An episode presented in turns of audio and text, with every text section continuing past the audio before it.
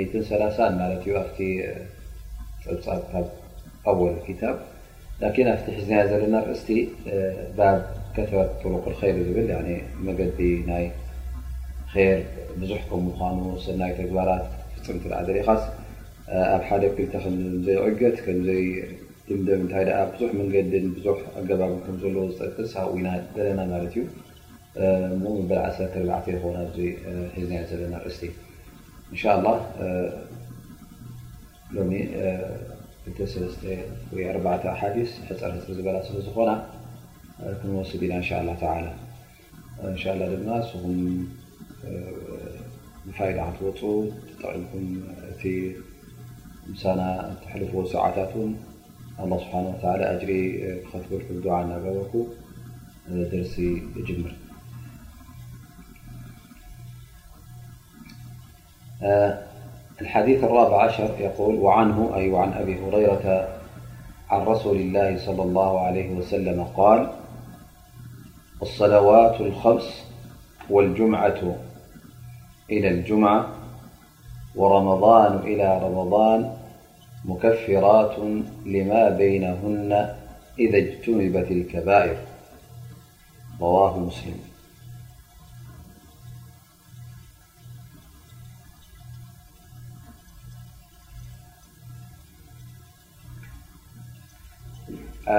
بع مسؤن حسننويقول الحيث الخرير وعنه كذلك عن أبي هريرة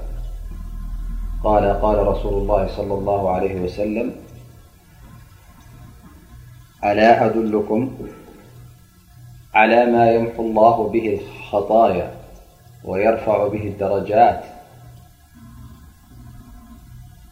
قالوا بلا يا رسول الله قال إسباغ الوضوء على المكارف وكثرة الخطى إلى المساجد وانتظار الصلاة بعد الصلاة فذلكم الرباط رواه مسلم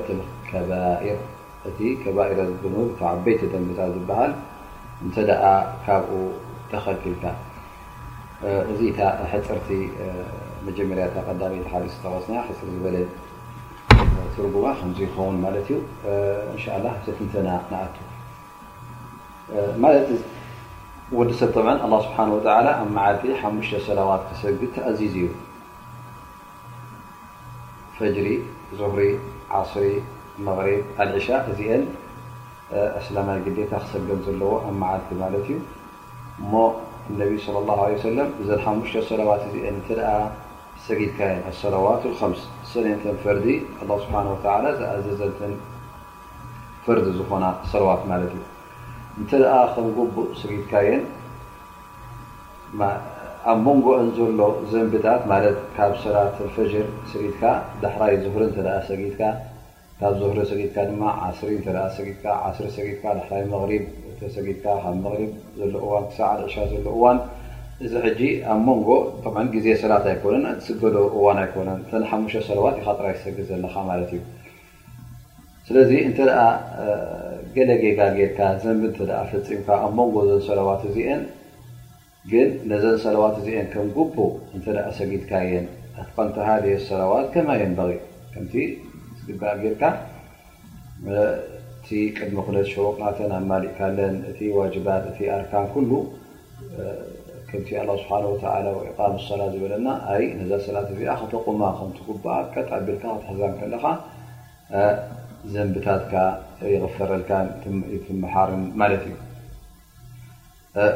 ከምኡ ውን እንታይ ጠቒሶም ነቢ ስ ሰለም ወልጁምዓቱ ኢለል ጁምዓ ወልጁምዓቱ ኢለል ጁምዓ ካብ ጅምዓት ክሳዕ ጅምዓት ዘሎ እዋን ማለት ሰላት ልጁምዓ ጠብዓ ሓደ ናይ ሰሙናዊ ዒድ ስለ ዝኾነ እታ ሰላት ልጁምዓ ክብርቲ ዝኾነት ሰላት ኣገዳሲ ዝኾነት ሰላት ምዓኑ ኣብ ክትሰግዳ ከለኻ ክልተ ረክዓ ኢኻ ትሰግዳ ግን ኹጥባ ስለ ዘለዋ ሰብ ዝእከበላ መዓልቲ ስለ ዝኾነት ንሳ ድማ ክብርቲ ሰላት ስለ ዝኾነት ኣላህ ስብሓን ወተዓላ እንተ ንዓኣ ቀጥ ኣቢልካ ሒዝካያ ከም ግቡእ እንተሰጊድካያ እውን ኣብ መንጎ ዝሰሙን ዘሎ ዝገበርካዮ ገበናት ብሰንካ እውን ይስረዘልካ ማለት እዩ ንዓኣ ብደንቢ ክትሰግዳ ከለኻ ማለት እዩ ከምኡ ውን ወረመዳን ኢላ ረመዳን ኢሎምና ነቢና ሓመድ ለ ላ ለ ወሰለም ረመዳን ካብ ረመዳን ዘሎ ረመዳን ክትፀሙ ከለካ ለዘበን ክሳዕ እቲ ዝመፅእ ዘሎ ረመዳን ናይ ዓመት ውን ዘንብታትካ ይድምስሰልካ ማለት እዩ እዘን ጥራይ ትፅም ረመዳን ንገዛ ርእሱ ኣብቲ ኣዋርሒ ረመዳን ወይ ከዓ ኣብቲ ወርሒ ረመዳን እትገብሮ ሰናየት ነጋር ጥራይ ክድርጎ ኣይኮነን እንታይ ደኣ እቲ ሰናይ ናቱ ክሳዕ እቲ ዝመጽእ ዘሎ ሮሞዳን እትገብሮ ጌጋታት ወይ ከኣ እትፍጽሞ ዝንብታት ከም ዝሓጽረልካ የብርሃልና ኣሎ ማለት እዩ። ኣብዚ ሓዲስ እዚ ግን ነቢ ሰለላሁ ዓለይሂ ወሰለም እንታይ ጠቒሶም ኢዘ ሽቱኒበቲል ከባኢር ኢሎም እንተደኣ ከባኢር ዝበሃል ዘንብታት እቲ ዓበይቲ ዓበይቲ ዝበሃል ዘንብታት እንተደኣ ካብኡ ርሒቕካ እዩ እዚ ነገር እዚ ትረኽቦ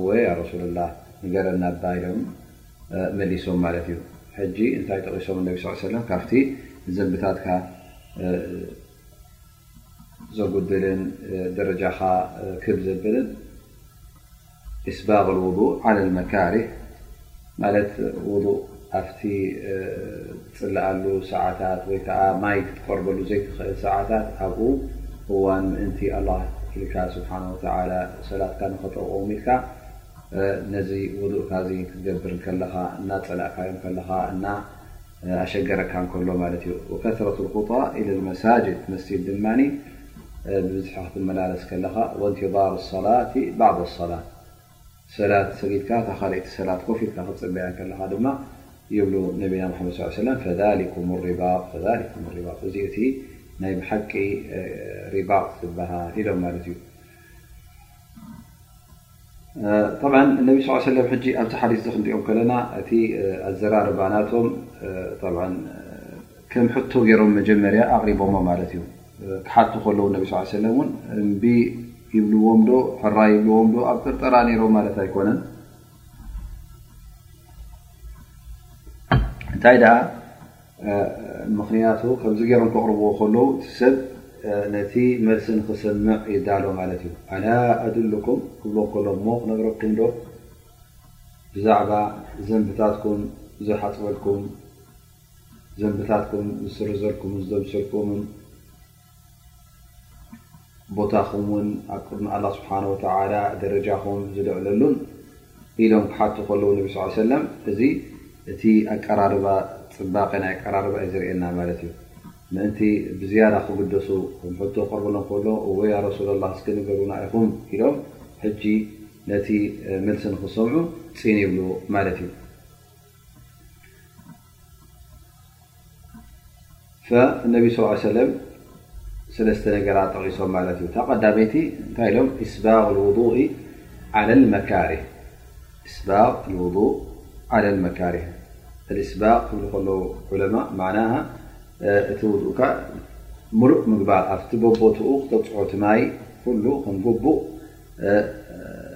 ኣብቲ ተኣዘዝካዮ ኣካላትካ ኣብኡ ኣብ ኩሉ ክበፅሕ ማለት እዩ እስባቅ ማለት ከይጉደልካ ከምቲ ተኣዘዝካዮ ክተብፅሖ ማለት እዩ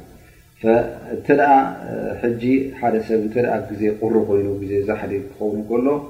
ማይ ንክቐርብ ይሽገር እዩ ማለት እዩ ብዝያዳ ኣብቲ ማይ ውዑይ ክትረኽበሉ ዘይትኽእል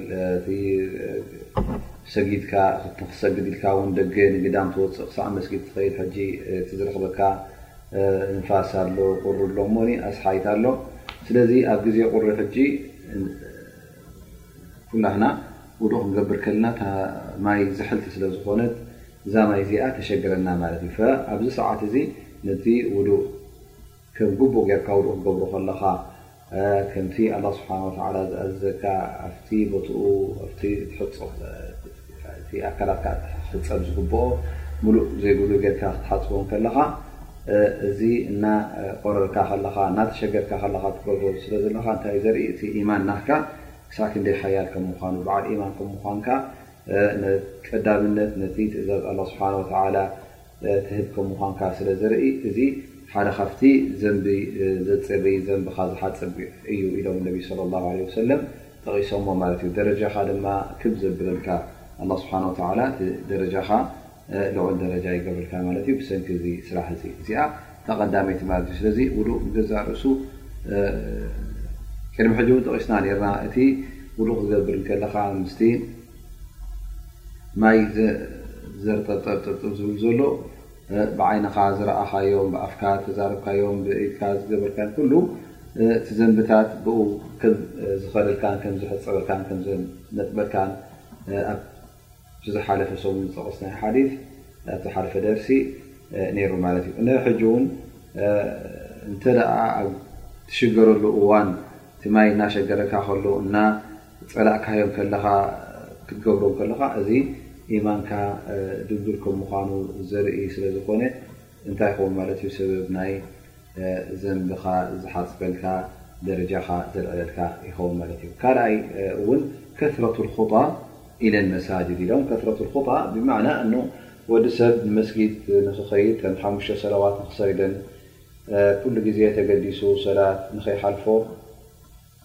ወላ ውን ካብ ገዝኡ ርሑቕ እንተ ኮይኑ በታ ዝኸዳ ዘሎ ስጉምቲ ኣበየ ስጉምቲ ዝያዳ ኣጅሪ ከም ዝረክብ ስለ ዝፈልጥ እዚ ሰብ እዚ ስጉምታቱ ክበዝሕ እንከሎ ሕጂ እንታይ እዩ ዝኸውን ዘሎ ዝያዳ ኣጅሪ ይረክብ ኣሎ ማለት እዩ ዝያዳ ኣጅሪ ካብ ኣላ ስብሓን ወተዓላ ይረክብ እንተ ሓደ ሰብ ኣብ ገዝኡ ውዱእ ገይሩ ካብ ገዝኡ ወፂኡ ንመስጊድ ገፁ እንተ ከይዱ ከይዱ ከሎ ብጀካ ንሶላት ኢሉ ንካሊእ ንያ ከይገበረ ከይድ ከሎ ኣብተን ዝስጉመ ዘሎ ስጉማት ኣላ ስብሓን ወተላ ኣበየ ስጉም ደረጃ ናቱ ከብየብለሉ ዘንቡ ከዓ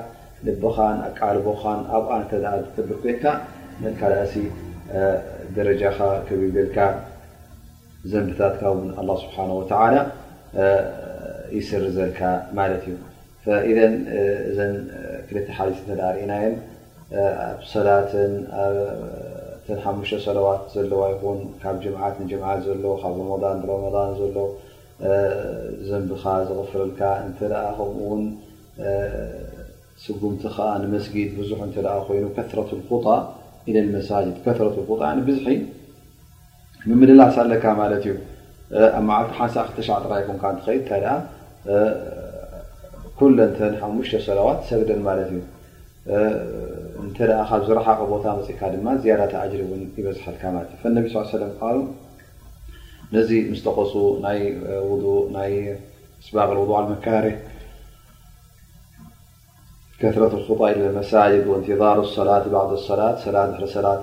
ምፅባይ ምስ በሉ እንታይ ሎም መጨረሻ ፈሊኩም ሪባጥ ሪባጥ ክበሃል እንከሎ ሕጂ ብቐንዱ ንምንታይ ዝጥቀስ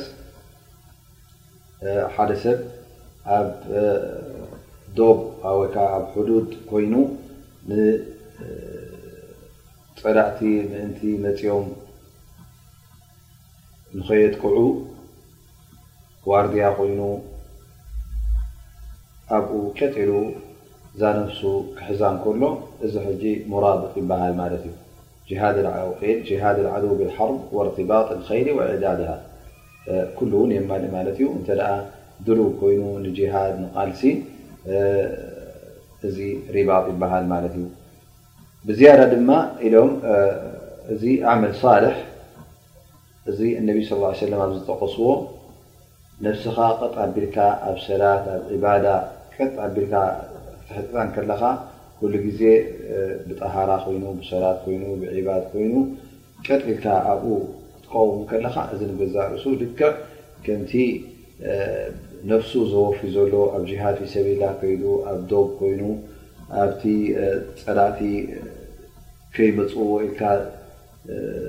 ጥንቃቐ ዝግበረሉ ቦታ ኣብኡ ዝሕሉ ነቶም ኣስላም ኣሕዋቱ ንክከላኸል ኢሉ ኣብኡ ኮፍ ዝብል እዚ ሕጂ ሙራብ ስለ ዝበሃል እዚ እውን ናትካ ደኣሲ ልክዕ ከምኡ ዩ ዝቁፅር ኢሎም ነቢይ ለ ላ ለ ወሰለም የብርሁልና ማለት እዩ ማዕና ወይ ትርጉም ውን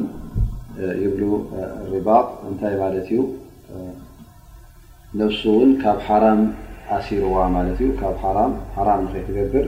ቀጥ ኣቢሉ ኣሲርዋ ማለት ዩ እዚ ዩ ሪባጥ ዝባሃል ን ረበጣ ነፍሰ ዓን ልመዓሲ ካብ ማዕስያ ንነፍሱ ኣሲርዋ ማለት እዩ ፈኢዘን እዚ እንታይ የርእየና ማለት እዩ እዚ እቲ ነቢ ስለ ላ ለ ወሰለም ሪባእ ክብልዎም ከለዉ ብስም ሪባእ ክሰምዎ ከለዉ ደረጃናቱ ዓብዪ ከም ምዃኑ ይበርሃና ማለት እዩ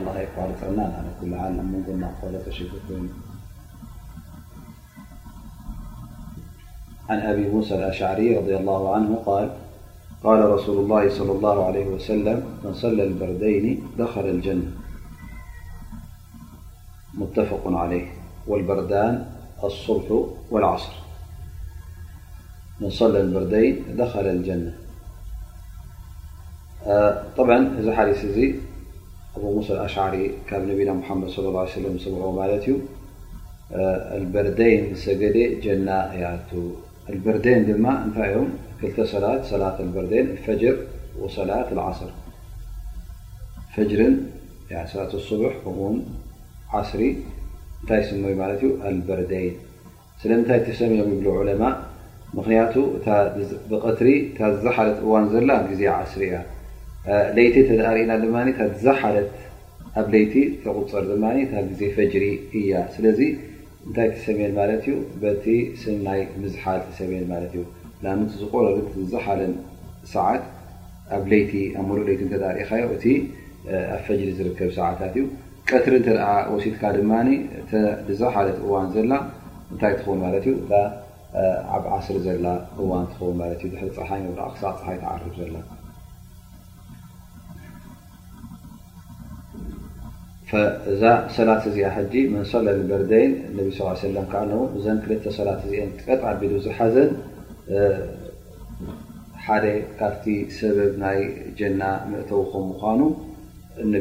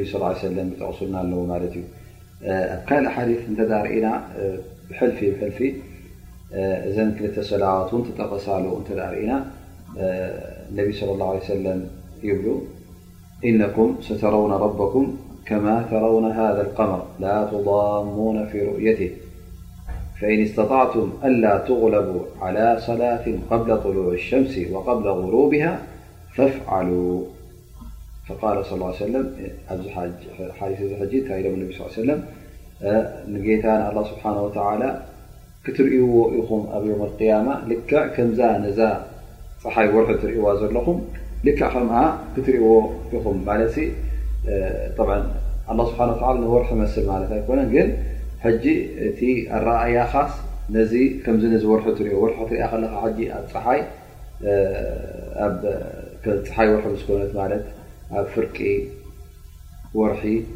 ኩላ ምስ መለአት ክትሪኣ ከለኻ ግመ ብላ ገለ ወርሒ ከም ምኳና ወይ ከዓ ትመልክዕ ናታ ኣይሕበኣካን እዩ ስለዚ ክትሪያ ማለት ምንም ሽግር ኣይትረክብን ኢኻ ማለት እዩ ስለዚ ንኣላ ስብሓን ወተላ ብዘይጥርጥር ኣብ ዮም ቅያማ ከም እንሪኦ ዮም እነቢ ስ ሰለም ዝሕብርና ዘለዉ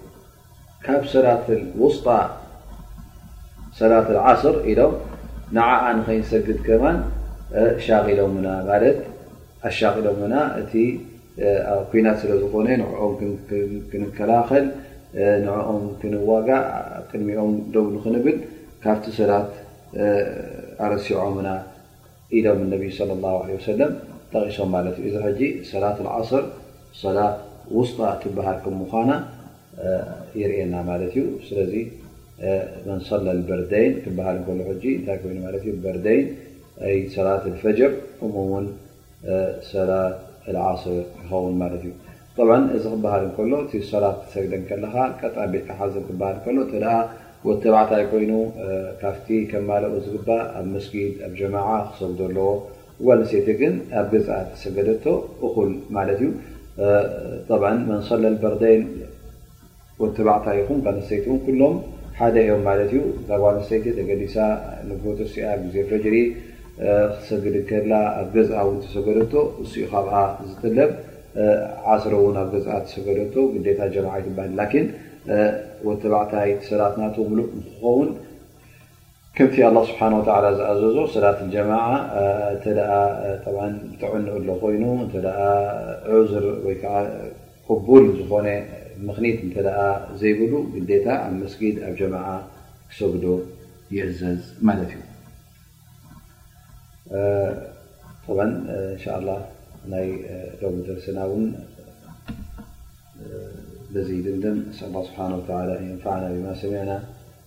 وأن يعلمنا ما ينفعنا وأن يزيدنا علما